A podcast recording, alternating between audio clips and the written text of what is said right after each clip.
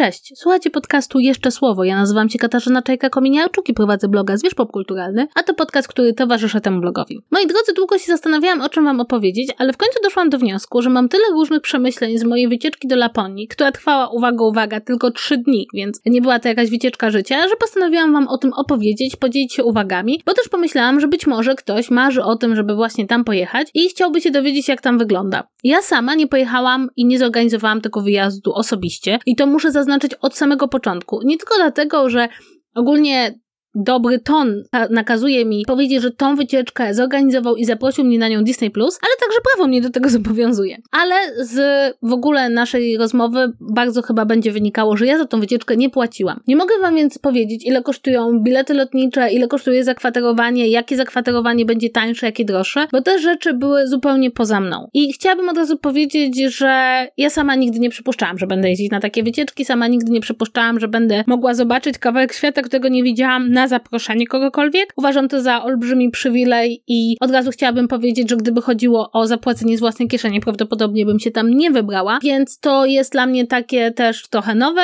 doświadczenie i przyznam szczerze, że było bardzo fajnie, ale e, od razu chciałabym powiedzieć, że to nie jest coś, czego kiedykolwiek oczekiwałam od życia. Ale po prostu pomyślałam, że może chcecie wiedzieć, może też, e, tak jak ja nigdy tego nie planowaliście, jesteście po prostu bardzo ciekawi, jak e, ta rzeczywistość tej fińskiej, bo to mówimy o fińskiej części Laponii, ma się do tego, co na przykład widać w internecie, dlatego że jedną z rzeczy, którą zrobiłam jeszcze będąc w Rowanieni, to było zajrzenie do na przykład do internetu, na Instagrama przede wszystkim i porównanie tego, co widzę na własne oczy, tym, co e, influencerzy i ludzie w internecie sprzedają jako wizję tej Laponii, bo mam wrażenie, że bardzo łatwo jest stworzyć wizję tego miejsca na świecie, która jest bardzo instagramowa, ale niekoniecznie spójna z tym, jak tam naprawdę wygląda i jest. I od razu chciałabym zaznaczyć, że właśnie byłam w Rowanieni. E, żeby dolecieć do Rowanieni, to z tego co rozumiem ma się dwie opcje takie podstawowe. Jedna to bezpośredni przelot, bo w Rowanieni o dziwo jest lotnisko. To było dla mnie pewne zaskoczenie. Myślałam, że tam się dojeżdża e, albo autobusem, albo pociągiem. Natomiast można też, tak jak myśmy lecieli, to jest jakby wykupuje się lot do Rowanieni, ale jest międzylądowanie w Helsinkach, tam się chyba bodajże albo bardzo krótko czeka, albo jeśli nie ma żadnych opóźnień, to czeka się koło godziny. Mi się to nawet podoba, bo ja bardzo lubię wyjść z samolotu i móc rozprostować nogi, no wtedy to jest tak mniej więcej dwa razy po półtorej godziny, więc no nie jest to bardzo, bardzo długo, zwłaszcza, że jest godzina różnicy między nami a tą częścią Finlandii, to też warto zapamiętać. Na całe szczęście żyjemy w świecie nowych technologii, jeśli nie macie nakręcanego zegarka, to wasz telefon załapie, że jest gdzie indziej. I już w tym samym Rowanieni jest lotnisko, co oczywiście jest bardzo wygodne. Jest bardzo dużo busów z lotniska do miasta, a także do wioski Świętego Mikołaja, bo kwestia wygląda tak, że tak naprawdę jest miasto Rowanieni, które jest po prostu miastem. Jest to co więcej jeśli chodzi o powierzchnię miasto, bardzo duże, ale jest też wioska Świętego Mikołaja, która funkcjonuje troszeczkę, trochę jako osobny byt i jest część osób, które w ogóle nie jadą do miasta, tylko jadą właśnie do tej wioski Świętego Mikołaja, tam są hotele, tam są takie domki do wynajęcia, więc tam też jest jakby cała infrastruktura dla ludzi, którzy nie chcą jechać do miasta Rowanieni. Samo miasto Rowanieni spaliło się w czasie II wojny światowej, architektura fińska to architektura drewniana, w związku z tym tak naprawdę e, z budowli przedwojennych nic tam nie zostało. Ono jest budowane po wojnie, jest tak na pierwszy rzut oka bardzo komfortowe. Składa się w głównej mierze z dosyć niskich, takich bloczkowatych budynków, no, które są po prostu dostosowane do potrzeb mieszkańców. Nie jest to też bardzo wielka miejscowość, ale są tam budynki uniwersyteckie, jest także bardzo piękne e, muzeum arktyczne, które pozwala poznać w ogóle tą część świata od strony antropologicznej, kulturowej, przyrodniczej i to jest rzeczywiście bardzo ładny budynek z takim bardzo ładnym szklanym kawałkiem. Natomiast jeśli byście poszli na spacer po Rowanieni, to myślę, że bardzo dużo skojarzeń z jakąś taką mniejszą polską miejscowością, tylko trochę bardziej zadbaną, tak? Tam jest rzeczywiście dosyć czysto, jakby nie widać śladów jakiegoś wandalizmu. Podejrzewam, że one oczywiście gdzieś tam są, no ale ja się poruszałam głównie po centrum miasta. Jeśli je, tak jak ja trafiło się na śnieg, bo z tego co mi mówiono, śnieg w listopadzie nie jest jeszcze absolutnie oczywisty w Rowanieni. Mi się wydawało, że to, wiesz, pierwszy październik już spada śnieg, ale okazuje się, że nie, że tam śnieg pojawia się bardzo często później, ale dłużej się utrzymuje. Więc myśmy już trafili na taki śnieg bardzo intensywny, to znaczy rzeczywiście były miejsca, w którym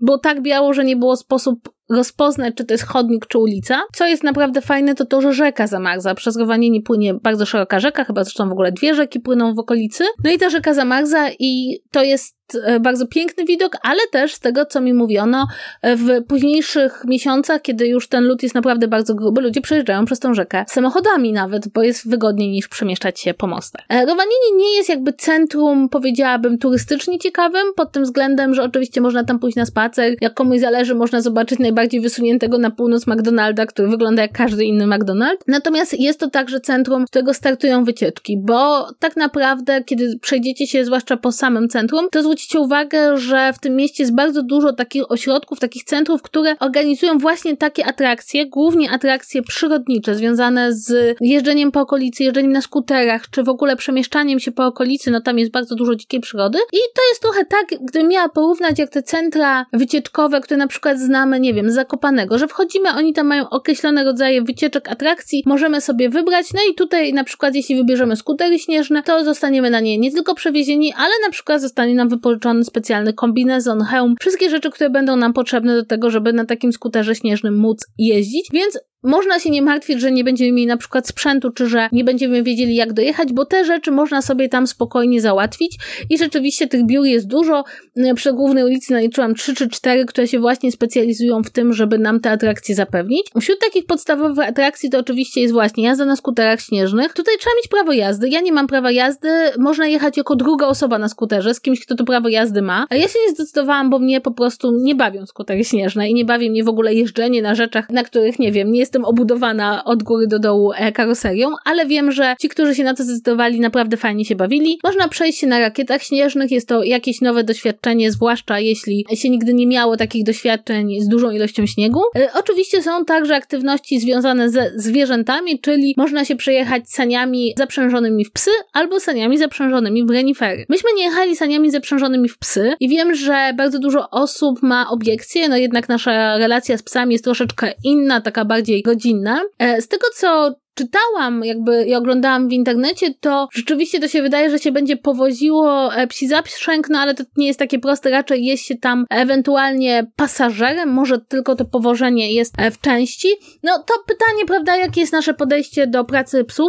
Z tego co wiem, to te psy są bardzo do tej pracy przyzwyczajone. Natomiast jechałam rzeczywiście taką przejażdżką z reniferami. Kiedy ja na początku zobaczyłam renifera, renifery są strasznie niskie w ogóle i takie zbite w sobie, to miałam wątpliwość, czy on mnie e, pociągnie, że się tak wyraża, ale zostałam po poinformowana, że do 400 kg renifer może pociągnąć, chociaż jednocześnie, co było dla mnie zaskoczeniem, dowiedziałam się, że 5 lat trzeba przekonywać renifera, żeby cokolwiek i kogokolwiek pociągnął. Natomiast większość reniferów oczywiście nikogo nie ciągnie. Żyją w takim e, bardzo ciekawym stylu, bo przez większość roku po prostu żyją zupełnie na wolności, wędrują sobie gdzie chcą, a dopiero na zimę przychodzą na farmy reniferów, żeby przezimować, bo tam jest jedzenie. Mm, renifery nie są bardzo towarzyskie, to też było dla mnie zaskoczenie. Myślałam, że renifer e, trochę bardziej jak krowa jest, e, ale nie nie, renifer jest właśnie półdziki i na jednej farmie mieli jednego renifera, który się po prostu na tej farmie wychował, miał tam już kilkanaście lat i był taki dosyć chętny do kontaktu z ludźmi, ale poza tym od reniferów raczej należy trzymać się z daleka, nie należy próbować ich głaskać, dotykać po nosku, a już najbardziej po ich e, wspaniałym porożu, które jest bardzo mocno unerwione. Więc m, mm, wydaje mi się, że też mamy jakieś takie wizje tych e, zwierząt, które są tam nie do końca spójne z tym, jak one naprawdę żyją, natomiast rzeczywiście renifery są bardzo, bardzo piękne. Z kolejnej atrakcji, no to jest oczywiście wyprawa do wioski Mikołaja, spotkanie z Mikołajem. Powiem tak, nam zorganizowano takie spotkanie z Mikołajem bardziej kameralne i rzeczywiście ci aktorzy, którzy grają Mikołaja tam, tam w tej Laponii, Finlandii, to widać, że to jest trochę inny styl, więc jeśli nie lubicie tych Mikołajów takich powiedziałabym bardziej zachodnioeuropejskich, to wydaje mi się, że ci lapońsko-fińscy powinni wam się spodobać, ponieważ to jest zupełnie inny ton mówienia, widać bardzo mocno, że są nastawieni właśnie na to, żeby to było bardzo ciche, bardzo spokojne, bardzo mocno nastawione na jakąś empatię, też to, czy się było dobrym, czy złym, jest bardzo fajnie rozegrane w tej ich, podejrzewam, jakiejś takiej podyktowanej z góry narracji, że uspokajają, że każdy ma gorszy dzień, ale jeśli ma się tam dobre serduszko. Ja ogólnie nie wierzę w świętego Mikołaja i nigdy nie wierzyłam w świętego Mikołaja, no ale wydaje mi się, że jeśli gdzieś prowadzimy dziecko, bo to jest atrakcja dla dzieci, nie ukrywajmy, no to dobrze tam sprawdzić wcześniej, co ono może ewentualnie usłyszeć, więc ja byłam pod wrażeniem jakby tego, co ten lapoński e, święty Mikołaj mówił, to było akurat na plus. Natomiast sama wioska świętego Mikołaja wydaje mi się taką atrakcją, która doskonale pokazuje, co się dzieje, kiedy mamy jakąś kulturę, jak, jakąś architekturę i mamy coś obcego, czego ludzie oczekują. No bo tak naprawdę wszystko w tej wiosce Świętego Mikołaja jest kompletnie sztuczne. To jest takie miejsce, które to nie jest Disneyland, ale no trochę jak Disneyland jest to takie symulakrum, czyli tworzymy jakąś przestrzeń, która ma być odwzorowaniem jakichś naszych wyobrażeń o przestrzeni bardziej niż tego, czym ta przestrzeń rzeczywiście jest. Jest tam e, taki punkt przejścia przez koło podbiegunowe. E, jest to punkt symboliczny, bo to przejście przez koło podbiegunowe, jak się dowiedziałam, jest gdzieś tam na bagnach i w ogóle nie da się tam tędy przejść, więc to jest tylko takie symboliczne, no ale może to być rzeczywiście jakieś emocjonalne. Natomiast sama wioska Świętego Mikołaja złożona jest z takich budyneczków dookoła pewnego placu, jest trochę kawiarni, jest trochę restauracji, oczywiście są sklepy z pamiątkami, przy czym przyznam, że te sklepy z pamiątkami dosyć mocno mnie zawiodły, bo spodziewałam się, że jeśli już jesteśmy w, taki, w tak wyjątkowym miejscu, które jest tak bardzo związane z postacią Mikołaja, ale też no rzeczywiście e, niełatwo tam dotrzeć, tak, e, to te pamiątki będą bardzo mocno związane właśnie z tym miejscem. Tymczasem większość tych sklepów z pamiątkami sprzedaje takie bardzo ogólne pamiątki z Finlandii albo takie ogólne zimowe pamiątki. No nie ukrywajmy, bardzo często widać po nich, że to jest po prostu chińska produkcja sprowadzona gdzieś tam masowo dobrana pod względem tego, że jak jest renifery, to, to już jest Finlandia. No nie jest to najwyższej jakości, to nie znaczy, że nie ma tam sklepów z pamiątkami, które byłyby nieco wyższej jakości. Ja znalazłam jeden, który był całkowicie poświęcony niemalże muminkom i takim drewnianym rzeczom. Bardzo piękny sklep, oczywiście ceny były także bardzo piękne. Jest trochę takich sklepów, które na przykład sprzedają fińską porcelanę czy fińską pościel. One też są, należą do tych droższych. Ale ogólnie rzecz biorąc, pod tym względem pamiątkowym, to było takie dosyć ciekawe, bo myślałam, że tutaj będzie to wszystko absolutnie dostosowane do tego miejsca, w którym jestem, a tymczasem okazało się, że no są takie ogólnoświąteczne pamiątki, które prawdopodobnie da się dostać wszędzie na świecie. Natomiast w ogóle te miejsca takie te domki, te, ta poczta świętego Mikołaja, to spotkanie z Mikołajem, to jest takie dziwne miejsce, bo my, myślę, że jak ma się te 5 czy 6 lat, to ono jest takie prawdziwe i takie magiczne i to jest rzeczywiście bardzo fajne. Widziałam tam wiele bardzo zachwyconych dzieciaków. No, ale jak jest się troszeczkę doroślejszym, to widzi się po prostu ten taki komercyjny mechanizm, który za tym stoi. I też e, mam takie poczucie i wydaje mi się, że ono jest bardzo związane z tym, jak teraz pokazujemy e, rzeczywistość. To kwestia związana z tym, że bardzo dużo materiałów robionych z takich miejsc jest robionych przez influencerów, którzy bardzo mocno starają się wyciąć z tej rzeczywistości wszystko, co nie pasuje. I tak jak na przykład ta wioska, te budynki związane ze świętym Mikołajem są położone bardzo blisko, dosyć ruchliwej, jak na Finlandię, jak na Laponię drogi, to tego nie zauważycie na tych filmikach. I nawet powiem wam, że ciekawa rzecz, kiedy ja pokazałam, że jedzie, jest droga i jedzie po niej ciężarówka, to dużo osób zapytało mnie, czy to jest ciężarówka Coca-Coli, jakby mając tą potrzebę uzupełnienia tej wizji rzeczywistości o to, że tam nie ma nic takiego, wiecie, banalnego. Mam takie poczucie, że to jest jedno z takich miejsc, gdzie można mieć bardzo dużo oczekiwania, zwłaszcza jeśli jako dziecko słyszało się w ogóle o tej wiosce świętego Mikołaja. Ja pamiętam, że ja o tym słyszałam dosyć dużo i też chciałam to bardzo zobaczyć. No a w rzeczywistości jest to jakieś takie bardzo komercyjne, bardzo turystyczne miejsce. Myślę, że jak ma się parę lat, jak spadnie śnieg, to jest naprawdę super, ale że jak się jest trochę starszym, no to rzeczywiście, no jest to dobre miejsce, żeby robić sobie świąteczne zdjęcia i rolki. Czy to jest wystarczająco? To zależy od tego, czego chcemy od danej atrakcji turystycznej. E, co było dla mnie w sumie w tej Laponii najciekawsze, to po pierwsze przyroda. Nigdy w życiu nie widziałam tyle lasu. I jedzie się po tym lesie i jedzie i się skręca w las, lasu, w las, w lasu, w las, w lasu, w las i po prostu tego lasu jest mnóstwo. Ale też właśnie jak jechaliśmy na tych reniferach, to bardzo ciekawe były te momenty, w których te wysokie drzewa zamieniają się w takie niskie, karłowate drzewa i, i człowiek czuje się po prostu jakby był jakimś gigantem, bo te małe drzewa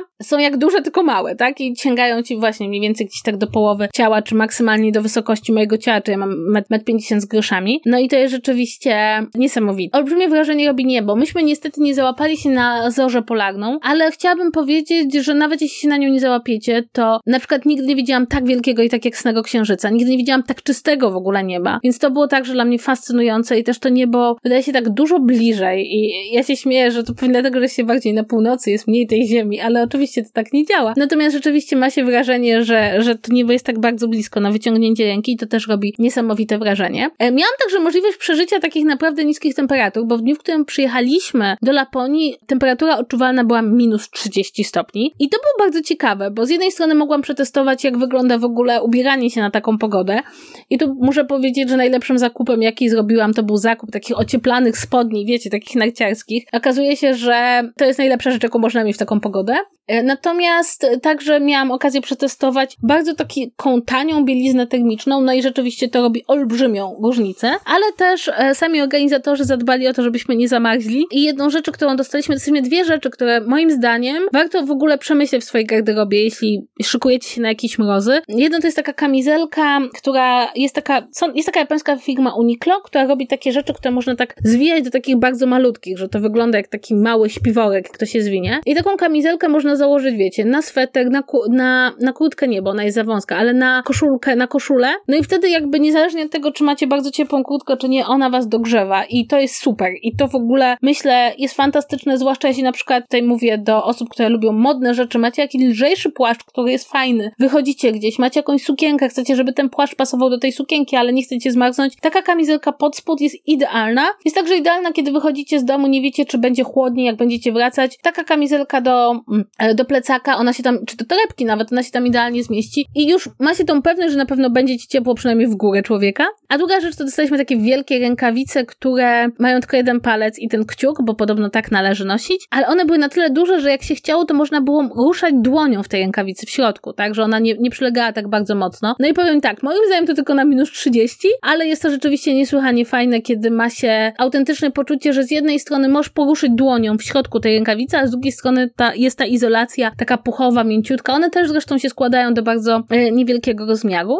Bardzo ciekawe, wzięłam ze sobą czapkę firmy Kopyto, którą w ogóle bardzo lubię i która mi przysłała mi i Mateuszowi czapki jakiś czas temu. E, I to była czapka z wełny merino, merino, dobrze mówię? No i wełna merino rzeczywiście totalnie na tą pogodę nie było mi zimno w głowę ani przez 5 sekund. I to bardzo polecam, jeśli wmarznie wam głowa, to e, przynajmniej tą czapkę z kopyto ja miałam i ona była super i tak się nawet śmiałam, że gdyby u mnie zamówili jakieś po prostu porównania, gdzie najlepiej nosili czapkę, to bym chyba nie wymyśliła sama takiej reklamy, że miałam ją jak było minus 30, nie było mi zimno w główkę ani w uszy, bo przy tą czapkę też na uszy naciągnęłam. Natomiast co było dla mnie takim zaskoczeniem, kiedy ten taki niesamowity mróz zaczął mnie szczypać po policzkach, i kiedy zamarzły mi włosy, które wystawały spod czapki i kiedy zaczęły mnie tak boleć palce u stóp od zimna, to miałam takie poczucie, że kurczę, że to nie jest nowe uczucie. Że to nie jest tak, że ja się pierwszy raz spotykam z tym uczuciem w moim ciele, tylko sobie je przypominam. I to mnie tak jakoś dotknęło, bo zdałam sobie sprawę, że przecież tu tu w Polsce ja przeżywałam takie pogody, przeżywałam takie minusowe temperatury. Pamiętam, jak chodziłam do podstawówki, był taki rok, kiedy było ponad minus 20. Pamiętam, szłam do szkoły podstawowej, to mam takie wspomnienie i było mi tak zimno, że przestawałam co pewien czas, żeby nabrać energii, żeby do niej dojść, a nigdy nie miałam bardzo dalekiej drogi do szkoły, bo mm, mieszkam w dużym mieście, tutaj tych szkół jest dużo. I to też było takie ciekawe, to znaczy to takie przeżycie takiej bardzo ostrej zimy,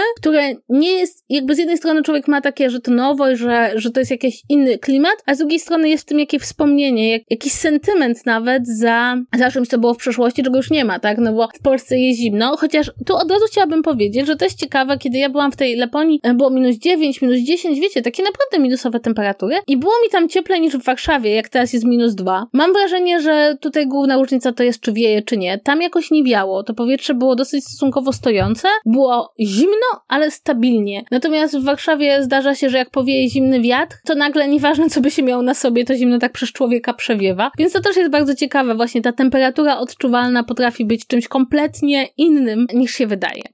Jaka jest ta Laponia w takim wydaniu, jakie ja miałam, czyli krótkim, bardzo intensywnym? Na pewno jest bardzo zachęcająca do próbowania nowych rzeczy i na pewno cieszę się, że tam byłam, cieszę się, że te rzeczy zobaczyłam, że ich spróbowałam. Mam takie wrażenie, że najlepiej byłoby tam pojechać, jeśli oczywiście chce się dosyć intensywnie spędzać czas na jakiś tydzień. Oczywiście jest jeszcze ta Laponia, która otwiera się latem i wiosną i tam jest też bardzo dużo zupełnie innych aktywności, które można robić. Chyba chciałabym tam kiedyś powrócić, jak będzie ciepło, bo ten las mnie tak ciągnie, tak? Pójść na spacer do tego lasu, zobaczyć go w rozkwicie, zobaczyć po prostu tak niesamowitą, wszechogarniającą przyrodę. Na pewno była to fajna właśnie, fajna przygoda i, i wydaje mi się, że to miejsce tak trochę zachęca, żeby próbować tam przeżyć jakąś przygodę. I mam wrażenie, że najfajniej oderwać się być może trochę od tego całego świątecznego też sznytu, który to był bardzo mocny, który oczywiście jest fajny, ale mam wrażenie, że jest ta Laponia, która jest taka naturalna i właśnie ona jest bliżej tej natury, bliżej tych aktywności w naturze, bliżej tej mroźnej pogody i ta Laponia bardzo, bardziej komercyjna, taka już powojenna powiedziałabym, która jest właśnie bardzo mocno związana ze świętym Mikołajem i z tymi rzeczami świątecznymi, które są fajne, ale jednak jednak mi się wydaje, że tutaj jest to coś nowego, może trochę mniej naturalnego, ale ogólnie e, oczywiście bawiłam się świetnie. Trudno się źle bawić, jak ktoś cię zaprasza do Laponii, wywozi cię po prostu ze wszystkimi atrakcjami jeszcze nie trzeba za to płacić. Rozmawiałam z różnymi osobami, które sprawdzały ceny takich wyjazdów. One są stosunkowo drogie, zwłaszcza w tym sezonie świątecznym. I właśnie dlatego postanowiłam to nagrać, bo mam wrażenie, że bardzo trudno jakby poznać jakąkolwiek perspektywę, która nie została właśnie tak super przefiltrowana przez, przez te filtry na Instagramie, przez to, że bardzo dużo osób z całego świata, bo rzeczywiście czuć, że tam się ludzie z całego świata zjeżdżają, robi naprawdę piękne materiały, ale bardzo stara się ukryć wszystko to, co nie jest, co nie jest, nie pasuje do obrazka. A jedzenie mają bardzo dobre, przy czym tu od razu chciałabym powiedzieć, że przynajmniej z tego, co widziałam, bardzo mięsne i bardzo mało vegan e, friendly. No, wydaje mi się, że to jest nawet dosyć oczywiste. Jest to takie miejsce na świecie, w którym ogólnie roślinności takiej naturalnej, zjadliwej nie ma za dużo, natomiast jest bardzo dużo mięsa, no bo te renifery są też hodowane na mięso. Oczywiście te restauracje mają jakieś tam opcje, które nie są e, mięsne, ale podejrzewam, że może tam być trudniej niż chociażby w większym, e, w większym mieście. Oczywiście wybrałam się też na fińską kawę, bo wiem, że Finowie kochają kawę. Rzeczywiście e, rozumiem, czemu Finowie kochają siebie kawę, bo była przepyszna. I w ogóle chyba naj, najsympatyczniejszy moment to było, kiedy trafiłam do kawiarni i mogłam sobie posiedzieć w takim specjalnej budce tylko dla jednej osoby i to mnie też rozbawiło. Bo rzeczywiście widać na ulicach, że Finowie lubią dystans pomiędzy sobą i że jakby nie tłoczą się. To w ogóle trudno, żeby się tłoczyli, bo jest ich mało, a przestrzeni bardzo dużo. Polecam na pewno wybrać do Laponii, chociaż raczej nastawiłabym się właśnie na te aktywności niż koniecznie na tego świętego Mikołaja, no chyba, że kochacie świętej, kochacie świętego Mikołaja. Wtedy e, oczywiście hulaj dusza. E, ja się bardzo cieszę, że tam pojechałam. Cieszę się, że mogłam dopisać to doświadczenie do doświadczeń, które mam. Na pewno taka możliwość zobaczenia tej przyrody i tej północy w ogóle jest e, czymś dla mnie bardzo, bardzo cennym i też takim sugerującym mi, że może tam znajdę te różne emocje i te różne przestrzenie, które będą mi się bardzo podobać. I wiecie, i to jest trochę tak, że człowiek czyta o różnych miejscach, czyta o różnych e, wycieczkach, nie myśli, że kiedy się tam znajdzie, a potem już tam jest i trochę nie jest w stanie uwierzyć, że ma już to doświadczenie za sobą. Oczywiście podróżowanie na własną rękę jest zawsze inne niż podróżowanie zorganizowane, e, bo na przykład dużym, fantastycznym komponentem tej wycieczki było to, że a, po pierwsze nie musiałam się o nic martwić i za nic płacić, po drugie, że byłam z całą grupą, nie byłam sama, a jak się jest grupą, to oczywiście ma się fantastyczne przeżycie związane z ciekawymi rozmowami, z ciekawymi osobami, których się poznaje, z jakąś ogólną atmosferą, która panuje, więc to też jakby dodaje do tych, do tych wspomnień. Tu nie będę ukrywać, że tak nie było. Jakby byłam wśród ludzi, którzy interesują się podobnymi rzeczami co ja, którzy zajmują się podobnymi rzeczami co ja. To zawsze jakby bardzo mocno sprzyja takiemu poczuciu wspólnoty i także po prostu dobremu samopoczuciu. W każdym razie jakby nie jest to do końca obiektywny zapis tej wyprawy. No nie jestem na przykład wam w stanie powiedzieć, ile to kosztowało, ile kosztują w ogóle takie atrakcje. Natomiast e, jeśli się zastanawiacie, że tą Laponię warto, to moim zdaniem warto. Chociaż nie byłabym nastawiona właśnie na te mikołajowe rzeczy, bardziej bym poszła w naturę. I to wszystko. Po prostu czułam, że muszę z siebie wyrzucić te wszystkie emocje i opowieści i wydało mi się, że ta wersja będzie najlepsza. Chyba najfajniejszy moment jest, kiedy wysyłasz ludziom kartki z Laponii i masz nadzieję, że dotrą, bo to jest takie, wiecie, hej, ja w ogóle to wysyłam ci e, kartkę z tej samej poczty, w której wysyła się listy do świętego Mikołaja. No to jest fajne, to nie ukrywam, to jest fajne. I fajne jest także wrócenie do Warszawy i mówienie przez tydzień wszystkim, bo wiesz, u nas w Laponii, trzy dni tam byłam, żeby nie było. To wszystko w tym odcinku. Jeśli macie jakieś pytania, to oczywiście możecie mi je zadawać chociażby e, na Instagramie, jeśli chcecie się czegoś jeszcze dowiedzieć. A jeśli wam się ten odcinek podobał, to mm, będę bardzo wdzięczna za podanie go dalej, za linkowanie go, bo też ostatnio wyszło Spotify Rap, e, w którym mogłam zobaczyć, jak często podajecie sobie dalej moje treści, ale także w ogóle jakich słuchacie. I mega chciałabym Wam wszystkim podziękować, bo było rzeczywiście bardzo dużo podawania sobie tego podcastu dalej. Zresztą było także bardzo dużo nowych słuchaczy, których bardzo radośnie witam w tym roku. Było także, i to mnie bardzo ucieszyło, bardzo wiele osób, u których byłam gdzieś tam wysoko na liście ulubionych podcastów. Jest to ponad 200 osób, więc Was też bardzo pozdrawiam. Cieszę się, że, że mogę być Waszym ulubionym podcastem. I w ogóle chciałam powiedzieć, że to Spotify Rap, ten tydzień, kiedy się dzielicie tymi wynikami, jest naprawdę fantastyczny fantastycznym dla nas podcasterów, bo to jest taki tydzień, kiedy tak bliżej końca roku mamy takie potwierdzenie, że rzeczywiście tam jesteście po tej drugiej stronie, że nas słuchacie, że nas lubicie, że chcecie więcej i to jest fantastyczne i chciałabym wam też podziękować za to wszystko, bo przemiły dzień i to jest jakby naj, naj, najmilszy dzień podcastera w ciągu roku. Właśnie zobaczyć ten owoc tej pracy przez, przez tyle miesięcy i tygodni. To wszystko w tym odcinku. Mam nadzieję, że się wyrobię za tydzień z następnym, a jeśli nie, to po prostu żegnam się z wami do następnego. Pa, pa!